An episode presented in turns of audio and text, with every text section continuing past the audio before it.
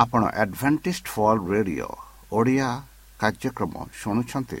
ଅଧିକ ସୂଚନା ପାଇବା ପାଇଁ ଆମ ସହ ସଂଯୋଗ କରନ୍ତୁ। ଏକ ଆଠ ଶୂନ୍ୟ ଶୂନ୍ୟ ଆଠ ତିନି ତିନି ଦୁଇ ଦୁଇ ତିନି ଏକ କିମ୍ବା Bible at the rate of A W R dot O R G ଏହା Adventist World Radio Voice of Hope ଜୀବନଧାରା।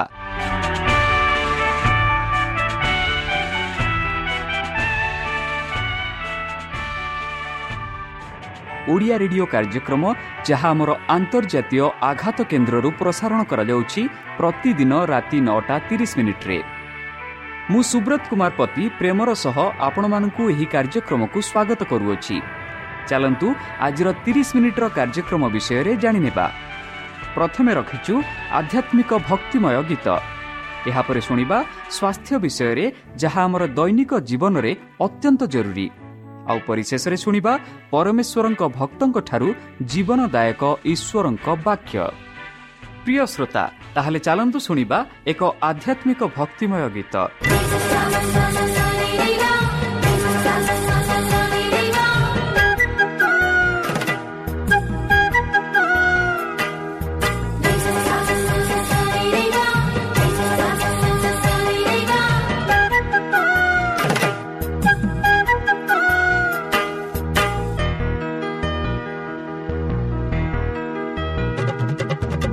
ଯିଶୁ ମୋର କି ସୁନ୍ଦର ତୁମ ବାକ୍ୟ ମୋର ପାଇଁ ଜୀବନ ଆହାର ଯିଶୁ ମୋର କି ସୁନ୍ଦର ତୁମ ବାକ୍ୟ ମୋର ପାଇଁ ଜୀବନ ଆହାର ଧନ୍ୟବାଦ ଘେନ ମୋ ଜିହବା ସ୍ତୁତି ପ୍ରଶଂସା ହେଉ ମୋ ଜିହବା ধেন মজি হবা স্তুতি প্রশংসা হেউ মজি হবা যিসু মোর কি সুন্দর তুম বাক্য মোর পাই জীবন আহার যিসু মোর কি সুন্দর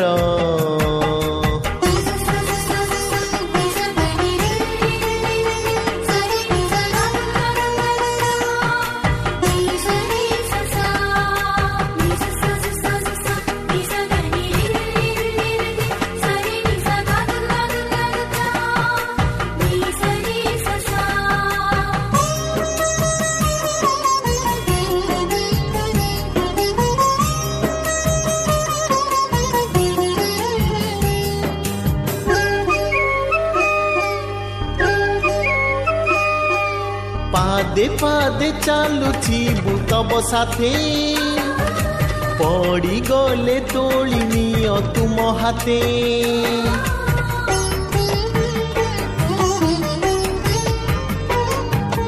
ପାଦେ ପାଦେ ଚାଲୁଛି ମୁଁ ତବ ସାଥେ ପଡ଼ିଗଲେ ତୋଳି ନିଅ ତୁମ ହାତେ ଜୀବନର ପ୍ରତି କ୍ଷଣେ ତୁମ ମୁଖ ଚାହିଁ ଚାଲିବି ମୁଁ ତବ ପାଦ ଚିହ୍ନେ ପାଦ ଦେଇ। ବଢ଼ାଓ ମୋ ଶକ୍ତି ତୁମ ବାକ୍ୟ ଦେଇ। ବଢ଼ାଓ ମୋ ଶକ୍ତି ତୁମ ବାକ୍ୟ ଦେଇ। ଯିଶୁ ମୋର କି ସୁନ୍ଦର। ତୁମ ବାକ୍ୟ ମୋର ପାଇଁ ଜୀବନ ଆହାର। ଯିଶୁ ମୋର କି ସୁନ୍ଦର ରହିଯାଏ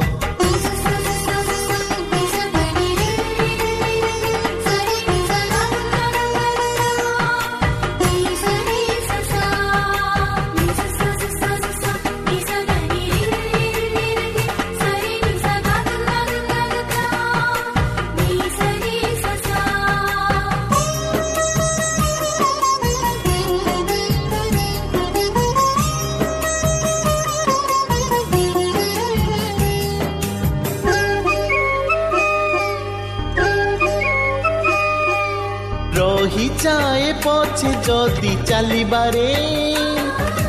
କ୍ଳାନ୍ତି ମୋର କ୍ଷମା କରି ନିଅ ସାଥିରେ।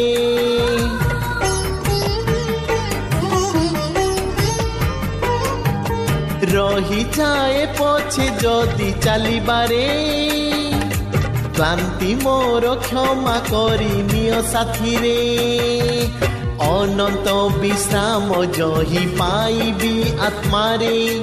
ରହିବି ମୁଁ ତୁମ ସାଥେ ସେ ପାର ଦେଶରେ କ୍ଷମା କରି ନେଇ ଯାଅ ତୁମରି ସାଥିରେ। କ୍ଷମା କରି ନେଇ ଯାଅ ତୁମରି ସାଥିରେ। ଯୀଶୁ ମୋର କି ସୁନ୍ଦର। ତୁମ ବାକ୍ୟ ମୋର ପାଇଁ ଜୀବନ ଆହାର। ଯୀଶୁ ମୋର କି ସୁନ୍ଦର। ତୁମ ବାକ୍ୟ ମୋର ପାଇଁ ଜୀବନ ଆହାର। ଧନ୍ୟବାଦ ଘେନ ମୋ ଜିହବା ସ୍ତୁତି ପ୍ରଶଂସା ହେଉ ମୋ ଜିହବା ଧନ୍ୟବାଦ ଘେନ ମୋ ଜିହବା ସ୍ତୁତି ପ୍ରଶଂସା ହେଉ ମୋ ଜିହବା ଯୀଶୁ ମୋର କି ସୁନ୍ଦର। ବାକ୍ୟ ମୋର ପାଇଁ ଜୀବନ ଆହାର ଯିଶୁ ମୋର କି ସୁନ୍ଦର প্রিয় শ্রোতা আমি আশা করুছু যে আমার কার্যক্রম আপনার পসন্দ লাগুব আপনার মতামত পাই আমার এই ঠিকার যোগাযোগ করতু আমার ঠিকা Advantage Media Centre SDA Mission Compound সাি park Pune ଚାରି ଏକ ଏକ ଶୂନ ତିନି ସାତ ମହାରାଷ୍ଟ୍ର ବା ଖୋଲନ୍ତୁ ଆମର ୱେବସାଇଟ୍ ଯେକୌଣସି Android phone smartphone desktop laptop କିମ୍ବା ଟ୍ୟାବ୍ଲେଟ୍ ଆମର website W W W dot A W R dot O R G slash O R I ଏବଂ W W W dot Advantage Media Centre India dot O R G ବର୍ତ୍ତମାନ ଚାଲନ୍ତୁ ଶୁଣିବା ଈଶ୍ୱରଙ୍କ ଭକ୍ତଙ୍କଠାରୁ ଈଶ୍ୱରଙ୍କ ଜୀବନଦାୟକ ବାକ୍ୟ। ନମସ୍କାର ପ୍ରିୟ ଶ୍ରୋତା। ସେହି ସର୍ବଶକ୍ତି ସର୍ବଜ୍ଞାନୀ ପ୍ରେମର ସାଗର ଦୟାମୟ ଅନ୍ତର୍ଜମୀ ଅନୁଗ୍ରହ ପରମ ପିତାଙ୍କ ନାମରେ ମୁଁ ପାଷ୍ଟ ପୂର୍ଣ୍ଣଚନ୍ଦ୍ର ଏହି ଆଡଭେଣ୍ଟିସ୍ ୱାର୍ଲଡ ରେଡ଼ିଓ ଜୀବନଧାରାରେ ସ୍ୱାଗତ କରୁଅଛି ସେହି ପରମେଶ୍ୱର ଆପଣମାନଙ୍କୁ ଆଶୀର୍ବାଦ କରନ୍ତୁ। ଆପଣଙ୍କୁ ସମସ୍ତ ପ୍ରକାର ଦୁଃଖ କଷ୍ଟ ବାଧା କ୍ଲେଶ ଓ ରୋଗରୁ ଦୂରେଇ ରଖନ୍ତୁ। ଶତ୍ରୁ ସଚେତନ ହସ୍ତରୁ ସେ ଆପଣଙ୍କୁ ସୁରକ୍ଷାରେ ରଖନ୍ତୁ। ତାହାଙ୍କ ପ୍ରେମ ତାହାଙ୍କ ସ୍ନେହ ତାହାଙ୍କ କୃପା ତାହାଙ୍କ ଅନୁଗ୍ରହ ସଦାସର୍ବଦା ଆପଣଙ୍କଠାରେ ସହବର୍ତ୍ତୀ ରହ। ପ୍ରିୟସତା ଚାଲନ୍ତୁ ଆଜି ଆମ୍ଭେମାନେ କିଛି ସମୟ ପବିତ୍ର ଶାସ୍ତ୍ର ବାଇବଲଠୁ ତାହାଙ୍କ ଜୀବନଦାୟକ ବାକ୍ୟ ଧ୍ୟାନ କରିବା। ଆଜିର ଆଲୋଚନା ହେଉଛି ବିଶ୍ୱାସର କାର୍ଯ୍ୟ ଭାଗ ଦୁଇ।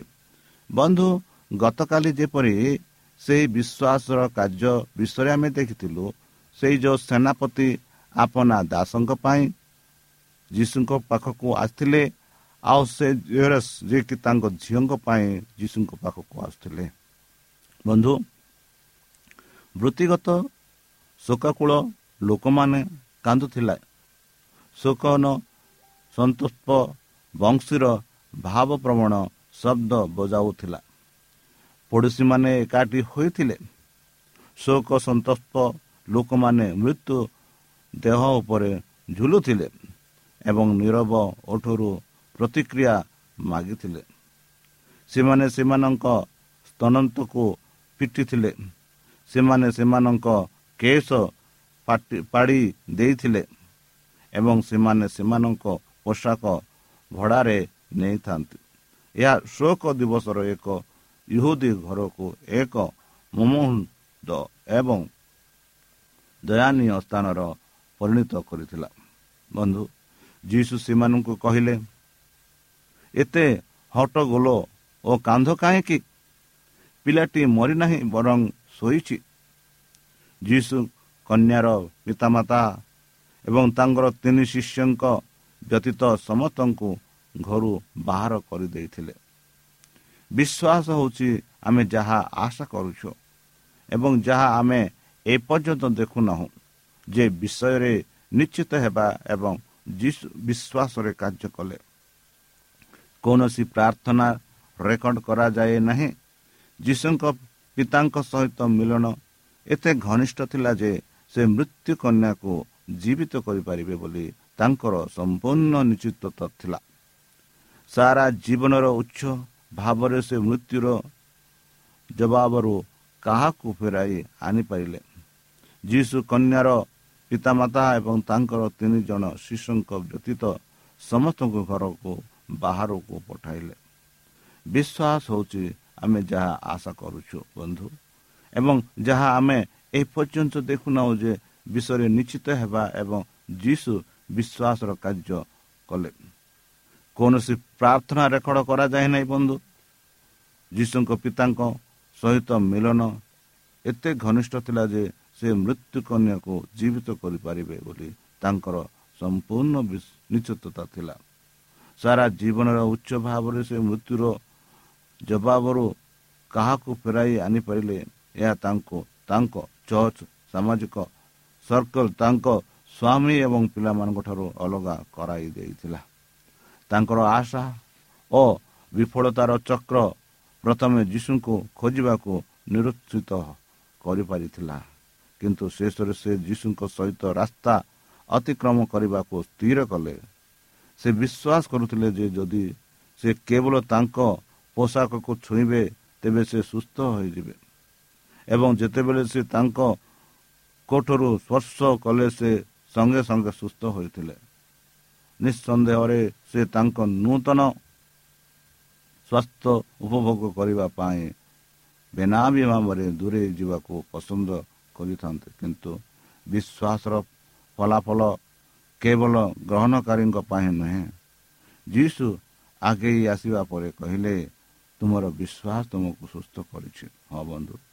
ମହିଳାଙ୍କୁ ଆରୋଗ୍ୟ କରିବା ପରେ ଯୀଶୁ ଚାହୁଁଥିଲେ ଯେ ସେ ପାଇଥିବା ଆଶୀର୍ବାଦକୁ ସ୍ୱୀକାର କରନ୍ତୁ।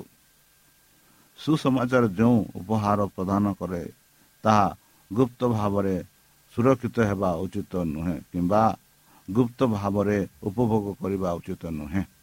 ତେଣୁ ସଦାପ୍ରଭୁ ଆମମାନଙ୍କୁ ତାଙ୍କର ଭଲ କାମ ସ୍ୱୀକାର କରିବାକୁ ଆହ୍ୱାନ କରନ୍ତି। ସଦାପ୍ରଭୁ କହିଲେ ତୁମମାନେ ମୋର ସାକ୍ଷୀ। ମୁଁ ପରମେଶ୍ୱର। ଅଧ୍ୟାତ୍ମିକ ପ୍ରଚାର ତାଙ୍କ ସପକ୍ଷରେ ଏକ ଜନ ଆନ୍ଦୋଳନ ଜାଗ୍ରତ କରି ଏବଂ ଦେଶର ଧାର୍ମିକ ନେତାମାନଙ୍କର ଗଭୀର ଶତ୍ରୁତା ଜାଗ୍ରତ କରି ତାଙ୍କ ସେବାରେ ବାଧା ସୃଷ୍ଟି କରିପାରିଥାନ୍ତି। ଯୀଶୁ ପିତର ଜାକୁବ ଏବଂ ଜହନ ଯୀଶୁଙ୍କ ପରିବର୍ତ୍ତନର ସାକ୍ଷୀ ହେଉଥିବା ବେଳେ ଜଣେ ବ୍ୟକ୍ତି ଯୀଶୁଙ୍କ ଶିଶୁମାନଙ୍କ ଦ୍ୱାରା ତାଙ୍କ ପୁତ୍ରଙ୍କୁ ଆରୋଗ୍ୟ କରିବା ପାଇଁ ଆଣିଥିଲେ। ସେଠାରେ ତାଙ୍କ ଯାତ୍ରା ଏବଂ ଆରୋଗ୍ୟ ପାଇଁ ତାଙ୍କ ପୁଅର ଉପସ୍ଥାପନା ଥିଲା। ବିଶ୍ୱାସର କାର୍ଯ୍ୟ। ଶିଷ୍ୟମାନଙ୍କୁ ସମସ୍ତ ରାକ୍ଷସଙ୍କୁ ଗୋଡ଼ାଇବା ଏବଂ ରୋଗ ଭଲ କରିବା ପାଇଁ କ୍ଷମତା ଦିଆଯାଇଥିଲା କିନ୍ତୁ ବର୍ତ୍ତମାନ ସେମାନେ ଅସହାୟ ଦେଖିଯାଉଥିଲେ। ବାପାଙ୍କ ବିଶ୍ୱାସ ଭାଙ୍ଗି ଯାଇଥିଲା। ଯୀଶୁଙ୍କ ନିଜର ଦୁଃଖ ବୁଝାଇବା ପରେ ସେ ଅନୁରୋଧ କଲେ କିନ୍ତୁ ଯଦି ତୁମେ କିଛି କରିପାରିବେ ତେବେ ଆମ ଉପରେ ଦୟା କର ଏବଂ ଆମକୁ ସାହାଯ୍ୟ କର। ଯେତେବେଳେ ପିତା ନିଜ ଦୁର୍ବଳତାକୁ ଚିହ୍ନି ପାରିଲେ ସେତେବେଳେ ସେ ନିଜର ବିଶ୍ୱାସ ବଢ଼ାଇ ପାରିଲେ। ଏବଂ ଅଧିକ ବିଶ୍ୱାସ ପାଇଁ ସାହାଯ୍ୟ ମାଗିପାରିଥିଲେ ଯୀଶୁ ଜାଣିଥିଲେ ଯେ ମନ ଓ ଶରୀର ମଧ୍ୟରେ ଏକ ଅବିଶ୍ୱାସନୀୟ ସମ୍ପର୍କ ରହିଛି। ଏହି କାହାଣୀରେ ଜଣେ ବ୍ୟକ୍ତିଙ୍କ ବିଶ୍ୱାସ ଏବଂ ଅନ୍ୟ କାହାର ଶରୀରର ମଧ୍ୟରେ ଏକ ଲିଙ୍ଗ ରହିଛି? ଯଦି ଆମେ ଏହାକୁ ସମ୍ପୂର୍ଣ୍ଣ ଭାବରେ ବୁଝିପାରୁନାହୁଁ ବନ୍ଧୁ ଲିଙ୍କ ଅସ୍ୱୀକାର ଯୋଗ୍ୟ ଅଟେ। କର୍କଟ ରୋଗୀଙ୍କ ପାଇଁ ଏକ ନୂତନ ପ୍ରକାରର କେମୋଥେରାପିକ୍ କ୍ଲିନିକାଲ ପରୀକ୍ଷାରେ କିଛି ରୋଗୀଙ୍କୁ ଜୀବାଣୁହୀନ ଲୁଣ ପାଣି ଦିଆଯାଇଥିଲା। ଯଦିଓ ଲୁଣ ପାଣିରେ କେଶ ଝଡ଼ିନଥାଏ ତଥାପି ଏହି ଗୁପର ତିରିଶ ପ୍ରତିଶତ କେଶ ହରାଇଥାନ୍ତି। ସେମାନେ ଆଶା କରିଥିଲେ ଯେ କେମୋଥେ ରିପି ଦ୍ୱାରା କେଶ ଝଡ଼ିବ। ଏବଂ ସେମାନଙ୍କ ଶରୀର ଏହି ଆଶାରେ ପ୍ରତିକ୍ରିୟା ପ୍ରକାଶ କରିଥିଲା। ବିଶ୍ୱାସ ଗୁରୁତ୍ୱପୂର୍ଣ୍ଣ ଏବଂ ମନ ଶରୀର ଯଥେଷ୍ଟ ପ୍ରଭାବ ପ୍ରଭାବିତ କରିପାରେ। ବିଶ୍ୱାସର କାର୍ଯ୍ୟ କେବଳ ଆତ୍ମା ସାହାଯ୍ୟ ନୁହେଁ ଏକ ଯଥେଷ୍ଟ ବିଶ୍ୱାସ ବିଶ୍ୱାସ ଭଲ କୌଶଳ ଅଟେ। ଈଶ୍ୱର ଉପରେ ବିଶ୍ୱାସ ହିଁ ଆରୋଗ୍ୟ ଲାଭ କରିପାରେ। ବନ୍ଧୁ ଆମେ ସମସ୍ତେ ଏହି ପୃଥିବୀରେ ବାସ କରୁଅଛୁ। ଆମ ଜୀବନରେ ଅନେକ ପ୍ରକାର ଝଡ଼ ତୋପନ ଆସିଥାଏ। ଆମମାନଙ୍କ ଜୀବନରେ ଅନେକ ପ୍ରକାର ଦୁଃଖ କଷ୍ଟ ଆମେ ଅନୁଭବ କରିଥାଉ। ଆମମାନଙ୍କ ଜୀବନରେ ଅନେକ ପ୍ରକାର ଯାହାକି ଆମେ ଚାହିଁନଥାଉ ତାହା ଗୁଡ଼ାକ ହୋଇଥାଏ। ଯଦି ଆମେ ସେହି ଯୀଶୁଙ୍କଠାରେ ବିଶ୍ୱାସ କରିବା ସେହି ଯୀଶୁଙ୍କ ନାମରେ ଆମେ ବିଶ୍ୱାସ କରିବା ଯେପରି ଏହି କାହାଣୀ ରୂପରେ ଆମେ ଦେଖିଲୁ ଯେତେ ଲୋକ ଯୀଶୁ ପାଖକୁ ଆସିଥିଲେ ସେମାନେ ବିଶ୍ୱାସ କରୁଥିଲେ ଆଉ ସେହି ବିଶ୍ୱାସ ହିଁ ସେମାନଙ୍କୁ ସୁସ୍ଥ କରୁଥିଲା। ସେ ବିଶ୍ୱାସ ହିଁ ସେମାନଙ୍କୁ ଈଶ୍ୱରଙ୍କ ପାଖକୁ ଘନିଷ୍ଠ ରୂପେ ସମ୍ପର୍କ ବଢ଼ାଉଥିଲା। ବନ୍ଧୁ ଆଜି ଯଦି ଆମେ ସେହି ଯୀଶୁଙ୍କଠାରେ ବିଶ୍ୱାସ କରିବା ସେହି ଯୀଶୁଙ୍କ ନାମରେ ଆମେ ବିଶ୍ୱାସରେ ଚାଲିବା ତେବେ ନିଶ୍ଚିତ ରୂପେ ଆମର ଯେକୌଣସି ପ୍ରକାର ରୋଗ ଯେକୌଣସି ପ୍ରକାର ଦୁଃଖ ଯେକୌଣସି ପ୍ରକାର ସଙ୍କଟରେ ଆମେ ରହିଅଛୁ ସେହି ସଦାପ୍ରଭୁ ପରମେଶ୍ୱର ଆମମାନଙ୍କୁ ସେହି ସବୁରୁ ଉଦ୍ଧାର କରିବେ। କାହାଣୀରେ ଯେପରି ଆମେ ଦେଖିଲୁ ଯେ ସୈନିକ ତାଙ୍କ ଅଧୀନରେ ଶହେ ସୈନିକମାନେ ଥିଲେ ଆଉ ସେ ତାଙ୍କ ଦାସର ଯେଉଁ ରୋଗ ଥିଲା ସେ ରୋଗରୁ ମୁକ୍ତ କରିବା ପାଇଁ ଯୀଶୁଖ୍ରୀଷ୍ଟ ପାଖକୁ ଆସିଥିଲେ। ଆଉ ଯୀଶୁଖ୍ରୀଷ୍ଟ ତାଙ୍କର ବିଶ୍ୱାସକୁ ଦେଖି ସେ କହିଲେ କି ଏହିପରି ବିଶ୍ୱାସ ଲୋକ ମୁଁ ଇସ୍ରାଏଲ ମାନଙ୍କ ମଧ୍ୟରେ ଦେଖି ନାହିଁ। ଜଣେ ବିଦେଶୀ ଜଣେ ଅଜାତି ଯେ କି ଯେଉଁଦି ଧର୍ମର ଲୋକ ନୁହେଁ। ଆଉ ସେ ଯୀଶୁଖ୍ରୀଷ୍ଟଙ୍କ ଠାରେ ବିଶ୍ୱାସ କଲେ। ଏହିପରି ବିଶ୍ୱାସ କଲେ ଯେ ଯଦି ଯୀଶୁ ଖ୍ରୀଷ୍ଟ କହିବେ ସେତେବେଳେ ମୋର ଦାସ ଯେଉଁ ଅସୁସ୍ଥରେ ଅଛନ୍ତି ସେ ସୁସ୍ଥ ହେବେ।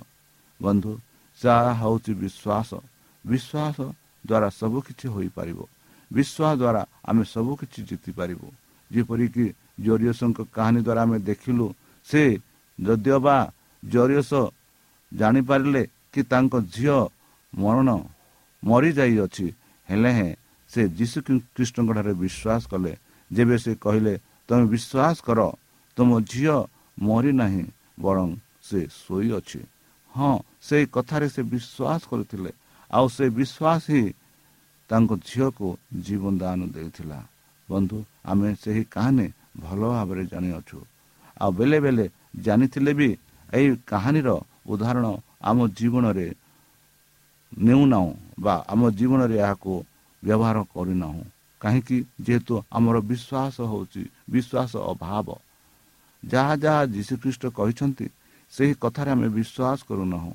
ଯେଉଁ ଯେଉଁ ଆଚାର୍ଯ୍ୟ କାର୍ଯ୍ୟ ଯୀଶୁ ପ୍ରଭୁ କରିଛନ୍ତି ସେହି ଆଚାର୍ଯ୍ୟ କାର୍ଯ୍ୟରେ ଆମେ ବିଶ୍ୱାସ କରୁନାହୁଁ। ସେଥିଯୋଗୁଁ ଯେତେବେଳେ ଆମ କାର୍ଯ୍ୟ ପାଇଁ ଆମେ ବିଶ୍ୱାସ କରିବା ପାଇଁ ଚେଷ୍ଟା କରୁଛୁ ସେତେବେଳେ ଆମ କାର୍ଯ୍ୟଟା ଅସଫଳ ହେଉଛି।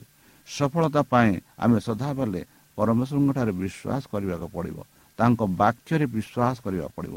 ତାଙ୍କ କଥାରେ ଆମେ ବିଶ୍ୱାସ କରିବାକୁ ପଡ଼ିବ ଯେହେତୁ ବାଇବଲରେ ଅନେକ ଲୋକେ ଅଛନ୍ତି ଯେଉଁମାନେ କି ଯୀଶୁଖ୍ରୀଷ୍ଟଙ୍କୁ ବିଶ୍ୱାସ କଲେ ଯେଉଁମାନେ କି ସଦାପ୍ରଭୁଙ୍କ ଠାରେ ବିଶ୍ୱାସ କଲେ ଆଉ ସେ ବିଶ୍ୱାସ ଦ୍ୱାରା ହିଁ ସେମାନେ ଆପଣା ଲାଭ ପାଇଲେ ଉଦାହରଣ ସ୍ୱରୂପ ଯଦି ଆମେ ଦେଖିବା ବାଇବଲରେ ଅବ୍ରାହ୍ମଙ୍କ ବିଷୟରେ ଅବ୍ରାହ୍ମ ପରମେଶ୍ୱରଙ୍କ ଠାରେ ବିଶ୍ୱାସ କଲେ ଆଉ ସେହି ବିଶ୍ୱାସ ଥିଲା କି ଦିନେ ପରମେଶ୍ୱର ତାଙ୍କୁ ଏକ ସନ୍ତାନ ଦେବେ ବୋଲି। ବନ୍ଧୁ ଆମେ ଅବ୍ରାହ୍ମଙ୍କ କାହାଣୀ ଭଲ ଭାବରେ ଜାଣିଅଛୁ। ଅବ୍ରାହ୍ମ ଈଶ୍ୱରଙ୍କ ଠାରେ ବିଶ୍ୱାସ କଲେ। ଅବ୍ରାହ୍ମ ଏବେ ସମୟ ଯଦି ଏହି ସମୟରେ ଯଦି ଆମେ କଥାବାର୍ତ୍ତା କରିବା ଯେକୌଣସି ପୁରୁଷ ସ୍ତ୍ରୀ ଯଦି ତାଙ୍କ ବୟସ ଜନ୍ମ ଦେବା ବୟସ ପାର ହୋଇଯାଏ ତେବେ ସେମାନେ ବିଶ୍ୱାସ କରନ୍ତି କି ଆଉ ଥରେ ସେମାନେ କେବେ ହେଲେ ପୁଅ ଝିଅ ପାଇପାରିବେ ନାହିଁ। ମାତ୍ର ଏଠି ଆମେ ଅବ୍ରାହ୍ମଙ୍କ କାହାଣୀ ଦ୍ୱାରା ଜାଣିପାରୁଛୁ କି ଅବ୍ରାହମ ପରମେଶ୍ୱରଙ୍କ ଠାରେ ବିଶ୍ୱାସ କଲେ। ଆଉ ପରମେଶ୍ୱର ଯେବେ ଅବ୍ରାହ୍ମ ଏକଶହ ବର୍ଷ ଥିଲେ ସେତେବେଳେ ଅବ୍ରାହ୍ମଙ୍କୁ ଏକ ପୁତ୍ର ଦାନ ଦେଇଥିଲେ। ଅବ୍ରାହ୍ମଙ୍କୁ ଆମେ କହୁଛୁ ବିଶ୍ୱାସର ପିତା। ସେ ବିଶ୍ୱାସ କରିଥିଲେ। ଆଉ ତାଙ୍କ ବିଶ୍ୱାସ ହିଁ ସେ ତାଙ୍କୁ ଶକ୍ତି ପ୍ରଦାନ କରିଥିଲା। ତାଙ୍କ ବିଶ୍ୱାସ ହିଁ ତାଙ୍କ ବୃଦ୍ଧ କାଳରେ ପରମେଶ୍ୱର ଏକ ସନ୍ତାନ ଦେଇଥିଲେ। ବନ୍ଧୁ ପରମେଶ୍ୱରଙ୍କ ସମ୍ମୁଖରେ କିଛି ଅସମ୍ଭବ ନୁହେଁ। ଖାଲି ଆମେ ବିଶ୍ୱାସ କରିବାକୁ ପଡ଼ିବ। ସେ ବିଶ୍ୱାସରେ ଆମେ ଚାଲିବାକୁ ପଡ଼ିବ। ପରମେଶ୍ୱର ଠାରେ ଯଦି ଆମେ ବିଶ୍ୱାସ ରଖିବା ଯେପରିକି ଅବ୍ରାହ୍ମଙ୍କୁ ଯେବେ ସେ ବୟସ୍କ ହୋଇଥିଲେ ଯେତେବେଳେ ସେ ବୃଦ୍ଧ ହୋଇଯାଇଥିଲେ ସେତେବେଳେ ପରମେଶ୍ୱର ଅବ୍ରାହ୍ମଙ୍କୁ ଏକ ପୁତ୍ର ଦେଲେ। ଆଉ ଯେତେବେଳେ ପରମେଶ୍ୱର ଅବ୍ରାହ୍ମକୁ କହିଲେ ଯେଉଁ ପୁତ୍ରକୁ ମୁଁ ଦେଇଅଛି ଯେଉଁ ପୁତ୍ରକୁ ତୁମେ ପାଇଅଛ ସେଇ ପୁତ୍ରକୁ ମୋ ପାଇଁ ବଳିଦାନ କର। ବୋଲି ଯେବେ ପରମେଶ୍ୱର ଅବ୍ରାହ୍ମକୁ କହିଲେ ସେଇ କଥା ପରମେଶ୍ୱର କଥା ମାନିଲେ। ଯେହେତୁ ଅବ୍ରାହ୍ମ ବିଶ୍ୱାସ କଲେ ପରମେଶ୍ୱରଙ୍କ ଠାରେ ଆଉ ପରମେଶ୍ୱର ଅବ୍ରାହ୍ମଙ୍କୁ ତାଙ୍କ ଏକମାତ୍ର ପୁତ୍ରକୁ ବଳିଦାନ ଦେବା ପାଇଁ କହିଲେନି କଲେ ବରଂ ଉଦ୍ଧାର କଲେ। ଆଉ ତା ପକ୍ଷରେ ମେଣ୍ଢା ଦେଲେ ବନ୍ଧୁ। ଆମ ପରମେଶ୍ୱର ଦୟାଳୁ ଆମ ପରମେଶ୍ୱର ଆଚର୍ଯ୍ୟ ଆଚର୍ଯ୍ୟ କର୍ମୀ ଆମ ପରମେଶ୍ୱର ଆମମାନଙ୍କୁ ସବୁ କିଛି କରିବା ପାଇଁ ଇଚ୍ଛୁକ। ମାତ୍ର ସେହି ପରମେଶ୍ୱରଙ୍କ ଠାରେ ଆମେ ବିଶ୍ୱାସ କରିବାକୁ ପଡ଼ିବ। ଯଦି ଆମର ବିଶ୍ୱାସ ଦୃଢ଼ ରୂପେ ରଖିବା ଆଉ ଦୃଢ଼ ରୂପେ ମାଗିବା ନିଶ୍ଚିତ ରୂପେ ପରମେଶ୍ୱର ଆମ ପ୍ରାର୍ଥନା ଶୁଣିବ। ଆମର କାର୍ଯ୍ୟ ସବୁ ସଫଳତା ହେବ। ବନ୍ଧୁ ତାହେଲେ ଚାଲନ୍ତୁ ସେହି ପରମେଶ୍ୱରଙ୍କ ଠାରେ ଆମେ ବିଶ୍ୱାସ କରିବା ଯେହେତୁ ପରମେଶ୍ୱରଙ୍କ ଠାରେ କିଛି ଅସମ୍ଭବ ନାହିଁ। ଯାହା ମାନବ ଜାତିଙ୍କ ଠାରେ ଏମିତି କିଛି ଜିନିଷ ଥାଏ କି ଦେଖାଯାଏ କି ଏହା ଅସମ୍ଭବ ମାତ୍ର ପରମେଶ୍ୱରଙ୍କ ସମ୍ମୁଖରେ କିଛି ବି ଅସମ୍ଭବ ନୁହେଁ ସବୁ କିଛି ସମ୍ଭବ। ତାହେଲେ ଚାଲନ୍ତୁ ସେହି ପରମେଶ୍ୱରଙ୍କ ଠାରେ ଆମେ ନିଜେ ସମର୍ପଣ କରି ତାହାଙ୍କ ମଧ୍ୟରୁ ନାମେ ଆମେ ପ୍ରାର୍ଥନା ଉଚ୍ଛଲ କରିବା। ହେ ଆମ୍ଭମାନଙ୍କ ସର୍ବଶକ୍ତି ସର୍ବଜ୍ଞାନୀ ପ୍ରେମର ସାଗର ଦୟାମୟ ଅନ୍ତର୍ଜମୀ ଅନୁଗ୍ରହ ପରମ ପିତା ଧନ୍ୟବାଦ ଅର୍ପଣ କରୁଅଛୁ। ବର୍ତ୍ତମାନ ଯେଉଁ ବାକ୍ୟ ତୁମ ଭକ୍ତମାନଙ୍କୁ ଶୁଣାଇଲେ ସେହି ବାକ୍ୟ ଅନୁସାରେ ଆମମାନଙ୍କୁ ଚାଲିବା ପାଇଁ ବୁଦ୍ଧିରେ ଜ୍ଞାନରେ ଶକ୍ତିରେ ପରିପୂର୍ଣ୍ଣ କର। ଯଦି ଆମ ପରିବାରରେ ଆମ ପରିବାରର ସଦସ୍ୟର କାହାର ଦେହ ଭଲ ନାହିଁ ବା କିଛି ଅସୁବିଧାରେ ଅଛନ୍ତି ସେମାନଙ୍କୁ ସାହାଯ୍ୟ କର। ଶକ୍ତିରେ ଜ୍ଞାନରେ ପରିପୂର୍ଣ୍ଣ କର। ଆମ ପାପ ସବୁ ତୁମ ସେହି ବହୁମୂଲ୍ୟ ରକ୍ତରେ ପରିଷ୍କାର ରୂପେ ଆଉ ପରିଶେଷ ହେ ପରମେଶ୍ୱର ତୁମ ସେହି ସାହସ ପୁତ୍ରଙ୍କ ସହ ଆସିବେ। ସେତେବେଳେ ସେତେବେଳେ ଆମମାନଙ୍କୁ ସେହି ସଗ୍ରାଜରେ ଯିବା ପାଇଁ ଆମମାନଙ୍କୁ ପ୍ରସ୍ତୁତ କର ବୋଲି ପ୍ରାଣକର୍ତ୍ତା ପ୍ରଭୁଙ୍କ ମଧୁରମୟ ନାମରେ ଏହି ଛୋଟ ବିଚନ ମଧ୍ୟ ତୁମେ ଗ୍ରହଣ କର ଆମେ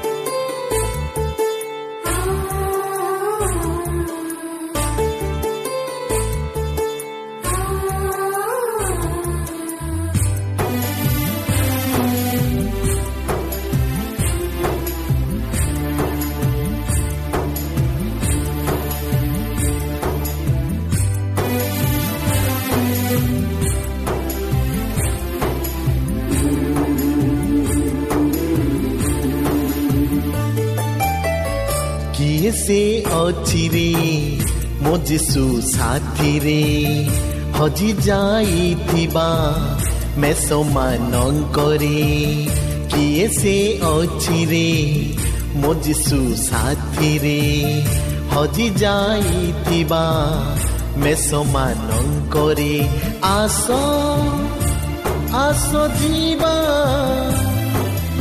କୃଷକୁ ବହି ସରଗେ ଆସ ଆସ ଯିବା କୃଷକୁ ବହି ସରଗେ ଶାନ୍ତି ବସାଇ ଆନନ୍ଦେ ଗାଇ ଜଗତେ ଆମେ କୃଷକୁ ଚିହ୍ନାଇ କିଏ ସେ ଅଛିରେ ମୋ ଯୀଶୁ ସାଥିରେ ହଜି ଯାଇଥିବା ମେଷମାନଙ୍କରେ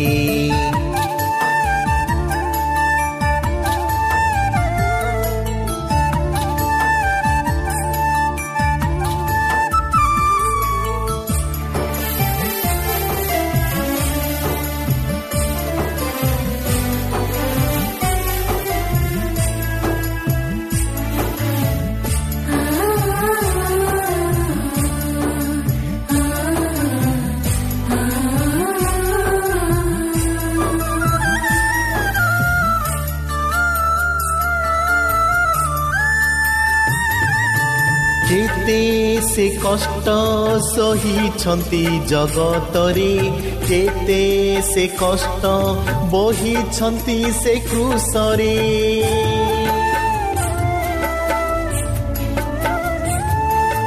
କେତେ ସେ କଷ୍ଟ ସହିଛନ୍ତି ଜଗତରେ କେତେ ସେ କଷ୍ଟ ବହିଛନ୍ତି ସେ କୃଷରେ ଦୟାରେ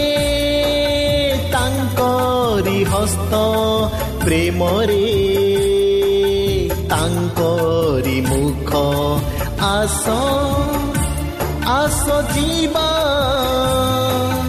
କୃଷକୁ ବହି ସରଗେ। ଆସ ଆସ ଯିବା। କୃଷକୁ ବହି ସରଗେ। শান্তি বসাই আনন্দে গাই জগতে আমি কৃষ্ণকু চিহ্নাই কিয়ে সে অছি রে ମୋ ଯୀଶୁ ପ୍ରିୟ ଶ୍ରୋତା ଆମେ ଆଶା କରୁଛୁ ଯେ ଆମର କାର୍ଯ୍ୟକ୍ରମ ଆପଣମାନଙ୍କୁ ପସନ୍ଦ ଲାଗୁଥିବ ଆପଣଙ୍କର ମତାମତ ଜଣାଇବା ପାଇଁ ଆମର ଏହି ଠିକଣାରେ ଯୋଗାଯୋଗ କରନ୍ତୁ ଆମ ଠିକଣା Advantage Media Centre SDA Mission Compound Salisbury Park Pune ଚାରି ଏକ ଏକ ଶୂନ ତିନି ସାତ ମହାରାଷ୍ଟ୍ର। ବା ଖୋଲନ୍ତୁ ଆମର ୱେବସାଇଟ୍ ଯେକୌଣସି Android phone smartphone desktop laptop କିମ୍ବା ଟ୍ୟାବ୍ଲେଟ୍ ଆମର website W W W dot A W R dot O R G slash O R I ଏବଂ W W W dot Advantage Media Centre India dot O R G Advantage Media Centre ଇଣ୍ଡିଆର spelling ହେଉଛି A D V E D I A C E N T R E I N D I A ଅଥବା download କରନ୍ତୁ ଆମର mobile app ଆପଣଙ୍କର mobile play ଷ୍ଟୋରକୁ ଯାଆନ୍ତୁ ଆଉ type କରନ୍ତୁ ଦ ଭଏସ୍ ଅଫ୍ ହୋପ୍ ଆଉ ଡାଉନଲୋଡ୍ କରନ୍ତୁ ଈଶ୍ୱର ଆପଣଙ୍କୁ ଆଶୀର୍ବାଦ କରନ୍ତୁ ଧନ୍ୟବାଦ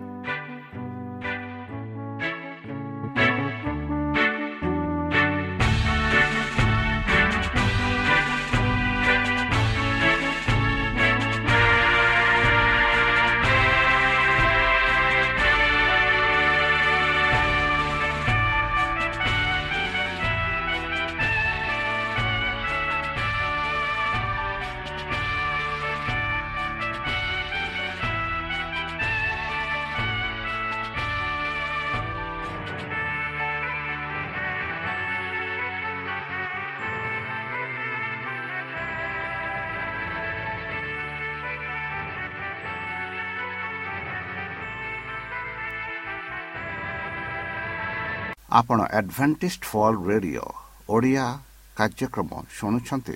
ଅଧିକ ସୂଚନା ପାଇବା ପାଇଁ ଆମ ସହ ସଂଯୋଗ କରନ୍ତୁ। ଏକ ଆଠ ଶୂନ୍ୟ ଶୂନ୍ୟ ଆଠ ତିନି ତିନି ଦୁଇ ଦୁଇ ତିନି ଏକ କିମ୍ବା Bible at the rate of A W R dot O R G